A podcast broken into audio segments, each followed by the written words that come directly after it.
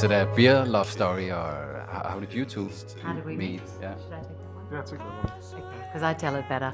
Um, so back in 2012, um, I used to um, part own and run a beer focused restaurant and a little brew project back in Australia, in Melbourne. Having a restaurant like that, you get invited to all the the brewer talks from different breweries. And a lot of the time, I'm going to have to say they're quite uninteresting. They tell you the same stuff if you just read their website. Um, but I was really interested in Christian because I absolutely knew nothing about him. Um, but we already stocked several of his beers, which were great.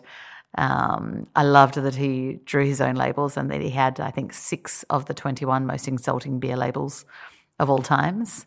And I was like, oh, this man's going to be interesting. I, I sort of, I want to hear him talk. I don't know enough about, you know, the beers and, and what he does. And so that's how I ended up going along to the talk. Um, unfortunately, I was incredibly tired and uh, fell asleep within the first couple of minutes of the talk. Um, but I think he was uh, going for the slow one in the group, and so went for the unconscious woman in the corner. And so after the talk, came over and, and chatted to me. Um, and then we spent a few days seeing each other on and off in Melbourne. And, uh, and then he left, and we sort of both went, well, that was nice. But we kept talking. And uh, six months later, I came to visit uh, Christian in Copenhagen. And I think six weeks after that, he came to Australia and we decided I was moving to Denmark. Uh, so we lived in Copenhagen for the first year that, uh, um, that I lived here. Jessica moved to uh, into my apartment in Frederiksberg. It's like 50 square meters, and uh, then she moved in with like two pallets of shoes. And then we realized we probably needed some more space, and we, we didn't have the financials to buy anything in Frederiksberg or there around there. And then we started looking in the suburbs and found out that uh, the further we got away from uh, Copenhagen and Frederiksberg, the cheaper it got. And uh, save for Greenland, then uh, Bornholm is as far away as you can go while still being within the kingdom. So we decided to move to Bornholm because at that point uh, houses were actually quite affordable. And then uh, after we have moved in, we put a, an ad in the local newspaper uh, where we were where we said we were looking for some kind of production space for our brewery. And then uh, after seeing a few places around the island, uh, we decided on on this space we're in right now, uh, right on Tejn Harbor, an old rundown fishing factory. But uh, it had everything. It had the drains and it had the washable surfaces everywhere because it was it used to be be um, uh, used for like food production, and then it had a great view, uh, and um, and that's also a good thing if you have to work here every day. The first thing we did when we looked at it is both of us just came here and, you know, opened the door and both of us just sniffed to see if there was any smells. But the building hadn't been used since 1983, uh, 1982 or 1983. So any remnants had well and truly gone by then, luckily.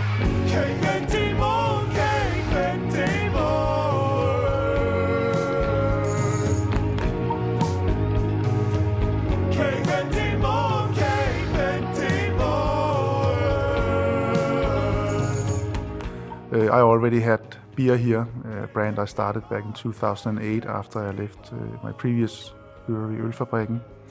And um, the idea was that uh, it should just continue as a, as a contract brewing operation. I was brewing at De Proef in Belgium, same place as Mikkeller Brews.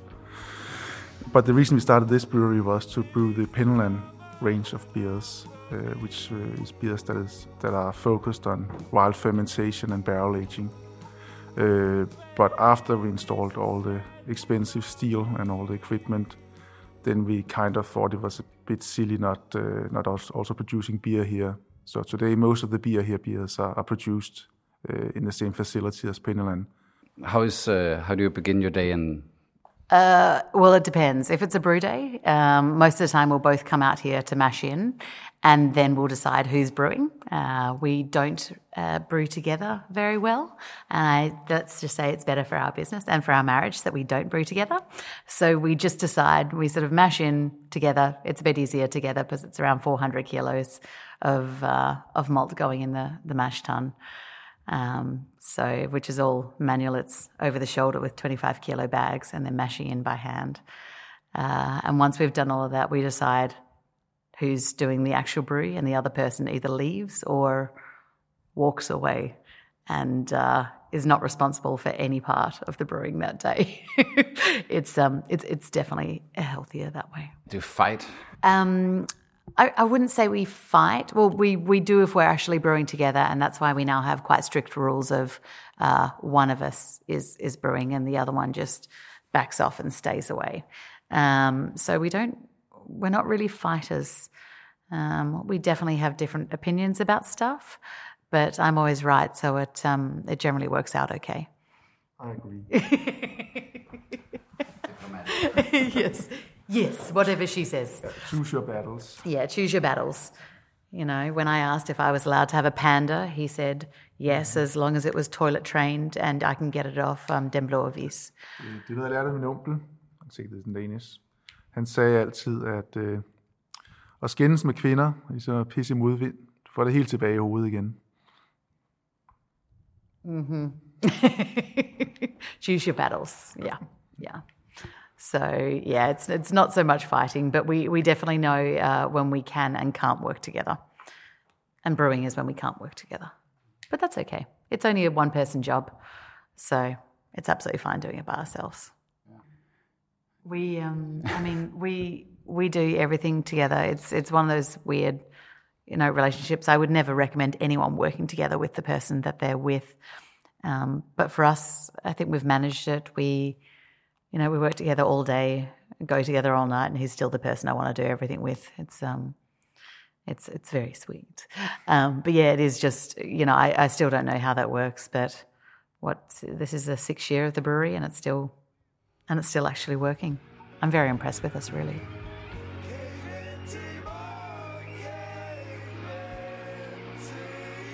If it's not a brew day, it depends. Uh, some of the times, if we're uh, working on the Penyllan beers, we'll come out here quite early um, for blending.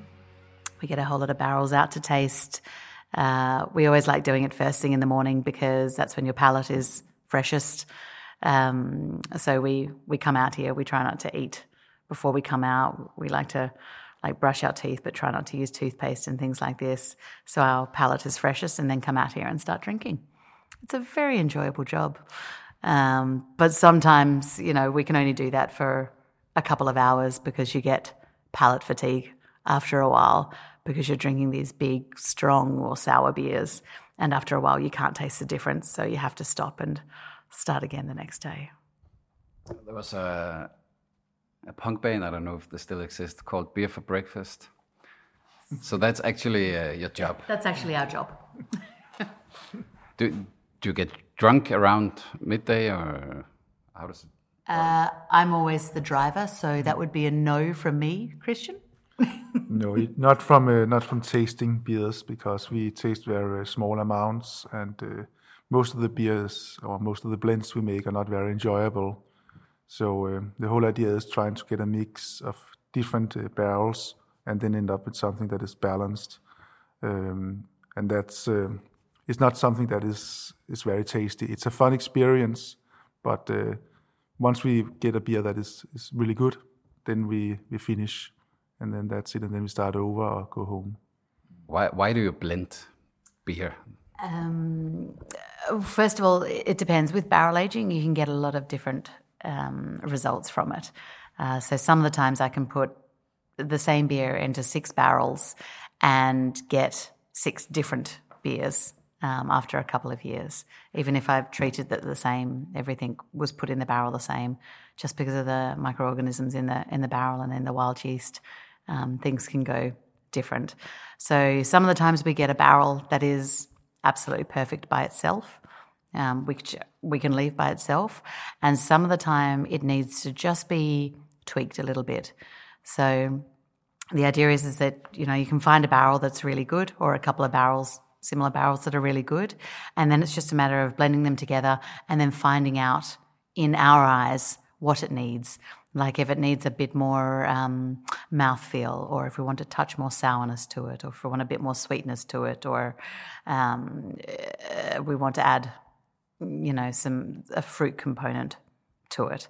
So it's just a matter of trying all these beers um, going into my barrel log and finding different beers that match what we need, tasting them, and then blending them together until we get that exact right combination, which is a lot of fun. Do you agree mostly? Uh, yeah, I think most of the time we agree on stuff. It's one of those ones I have the final say in Penyllan and Christian has the final say in beer here. Um, but most of the time we agree. Uh, I have a much uh, higher threshold for drinking sour things, and Christian, I think, is my um, is the thing that pulls me back a little bit because we don't actually want to release really, really sour beers. Your ball and chain. Yeah, he's my ball and chain, um, but he does some of the times he just sort of does that. Do you think you wanted that sour? And I sort of go back and I'll have a taste again and go, no, you know, he's right. I don't want it that sour. Uh, so it is. It is just a matter of. Um, yeah, tasting with the two of us. We use both of our palates. We have very different palates as well. Um, there's some faults that I taste really strongly, and, and Christian doesn't taste strongly, and vice versa. Um, so it's really useful having two really good palates that we can depend on. Though it is always scary when it is just our two palates, because then sometimes you think, uh, are other people going to love what we think is great? Um, so it's already, always a, a, scary thing to actually make that final blend and go, are people going to like this or is it just us? Yeah. And what about the locals? Do they stop by? Uh... We we have uh, the local drinking club just next door to the brewery, and the the Carlsberg truck pulls up once a month to drop them off a pallet or two of Carlsberg, and they're very sweet and come in um, with their with their little hoff and and tell us that uh, we should do things like, you know, talk to the supermarkets here because it would be very good promotion for us, or uh, make sure we keep it cheap, unlike the other breweries on Bornholm. Um, and I've asked them, uh, you know, have you tried some of the beers? And they're like, oh, no, no, we don't drink that stuff. Uh, so it's a lot of fun. But the locals are incredibly supportive. They, uh, they are all really stoked that we settled here. You know, they don't necessarily all come drink here themselves, but they always tell people about us, um, which is a really cool thing. You know, they're very, yeah, they're very proud to to have us here, um, and we feel very, very loved and accepted. Uh, which I think when when you make alcohol for a living, you generally get loved and accepted. Yeah. but it is a very different market compared to Copenhagen. Mm-hmm. Um, for instance, uh, we do IPA once in a while, uh, but it's it's not a, a core product for us. Uh, whereas uh, if you're a brewery whose main market is Copenhagen, then then you have to have a, a lot of IPA.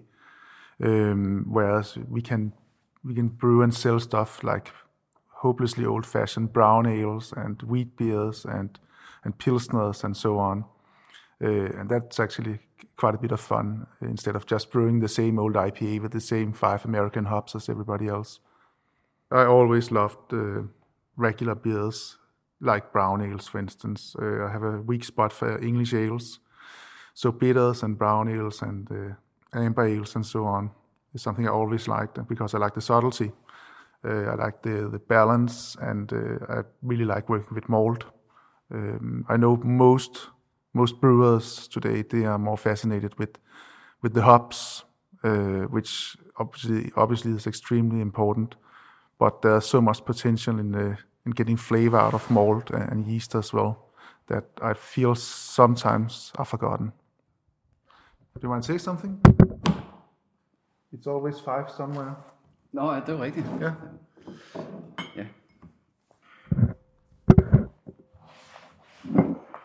Ja. You want beer? Yeah, just a little, a little taste.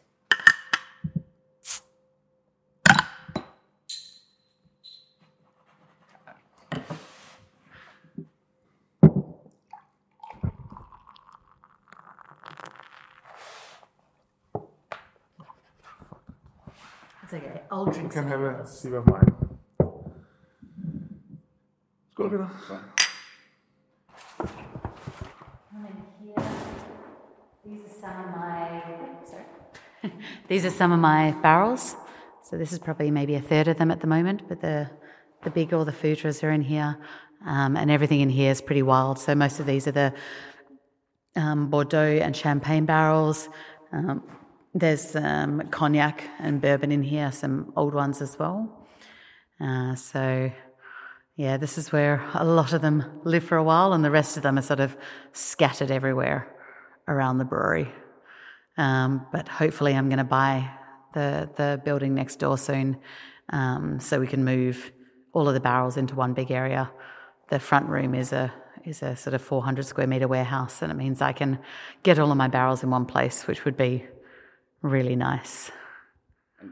How many liters? Uh, this is So the- taller than me, actually. Yeah, so the big ones here, these are uh, 23, uh, like 23 to 24 hecto. My biggest one is the Botti over here, the Montepulciano, and that's 30 hecto. Um, but that's as big as I can go at the moment because that's as big can fit in that door.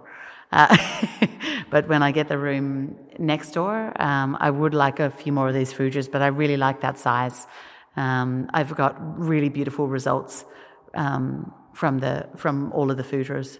Um, so that's a yeah, I definitely want more of those guys when I get a bit more space and when Christian lets me buy barrels again. I, I collect uh, vinyl records. Is there some kind of fetish with this? Uh, Yeah, it's definitely a fetish. I every time I, I get in um, lists, I'm like, "Ooh, look, new barrels!" And it is it, it is like shopping how you would with vinyl or you know shoes or whatever else. It's uh, yeah, it's something that you really um, yeah, it's it's almost like a fetish. I love my barrels. You know, this is my happy place. I come in here and spend a lot of time tasting or you know just sitting if I need to relax because it's a you know it is. It's just my happy place surrounded by wood and beer. how many barrels do you have? It's a few hundred now. Um, they're spread out all over the brewery. So my my very sensible husband has told me I'm not allowed to buy any more barrels un- until I start selling more beer. So how are you gonna sell more beer? Well, now this is a nice thing. I've got a huge amount of stuff that's coming up and getting ready now. So um, we've done a huge amount of blending recently, um, and so over the next month before the season goes really crazy, we're going to be doing a lot of bottling. Um, so that'll be nice because over the last couple of years, I just haven't had that um, quantity ready. Where now I've got enough that I can start um, turning over and releasing more beers constantly. When we first opened in 15, I kept saying, "Oh yeah, yeah, I'll, I'm going to have something ready soon," and it took until the end of 2018 for me to launch my first four beers. So it really, uh, it's uh, it is just you know they're ready when they're ready. Um, people always ask me, "Oh, when's it going to be ready?" Or how do you know when it's ready? There's no there's no sign to know when it's ready. It's just a matter of uh, tasting constantly um, and deciding that I think it's ready. Um, so it's really a yeah, it's it's it's just it's a trial and error. You just keep tasting. Luckily, we have beer here, so Christian makes the money and I spend the money. Um, we always have a joke as I'm one of the most expensive wives we know because I, uh, uh, I, you know, some some some people like shoes, some people like dresses, uh, things like that. I, I like buying barrels, filling them with beer, and then not selling it for many many years. So yeah, expensive wife.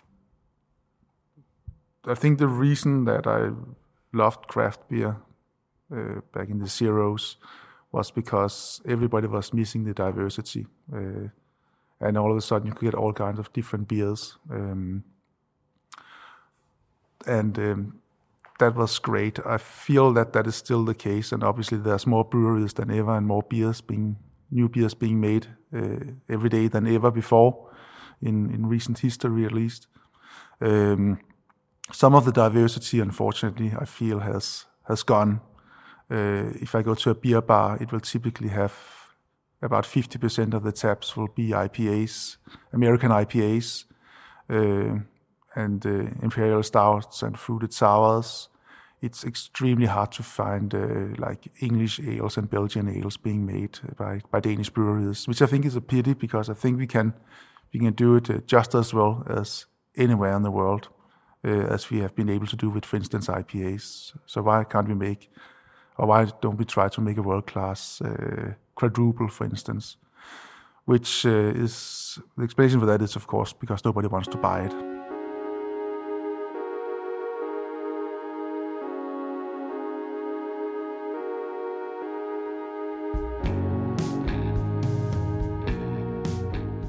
Corona. How, how did it go? How is Yeah, it going? it, it was one of those ones we had filled up all of the tanks with IPAs, uh, and then we were heading back to uh, Australia for a whole lot of events back in March last year. And we were on the ferry over to Copenhagen when they closed down all of the borders. Uh, so we decided not to go to Australia. I export a lot. Probably 50% is is exported. Um, some of my big markets like Spain, uh, Italy, um, and things like that closed down. Um, so exports absolutely died. Uh, China actually started up sooner rather than later. That's pretty much my only export at the moment. But um, they're just exports are just starting to wake up again now, uh, which is nice. But it was just a it was a little shock to the system to totally change our business from you know sending most of the stuff out of out of out of Bornholm to you know 90% of our market was Bornholm. What are you doing with the pen and the Hmm. labels there? Zoe? Or Yep, this is my um, new beer Zoe that I, I just released as of today. Um, and I'm actually just signing and numbering all of the labels so I can get them on the bottles. I found out it's much easier to sign and number them before I put them on the bottles rather than after. So I'm now at uh, 101 of 1,396 labels that I need to sign. Uh, I thought signing of the labels and numbering of the beers was a really, really good idea when we first started. Um, now, not so much, uh, but it is one of those ones I committed to it now, and uh, and it is really nice. You really see people sort of showing up the bottles when they take photos of the bottles, saying, "Yep, I'm drinking number 400 or 423," that sort of thing. So um, people really do like that sort of thing. I name all of my beer after women. Um, it's not because I'm a particularly good feminist. It's more because um, I think they're uh, incredibly um, feminine styles, uh, not made for women, but as in they're um, they're elegant, they're beautiful, they uh, take a long time to get ready, and they're very expensive. So there you go, women. I'm allowed to say that because I'm a woman. This one's taken, yeah, almost five years to get ready. Uh, when I bottle, I also leave it in bottle for um, six months to a year, um, just to make sure it conditions perfectly. Um, there's no off flavors and things like that. So when I release it, it is ready to drink then. You know, it will be excellent in, in 10, 20 years' time as well. But, you know, when, when they leave the brewery, they they should be pretty much spot on perfect.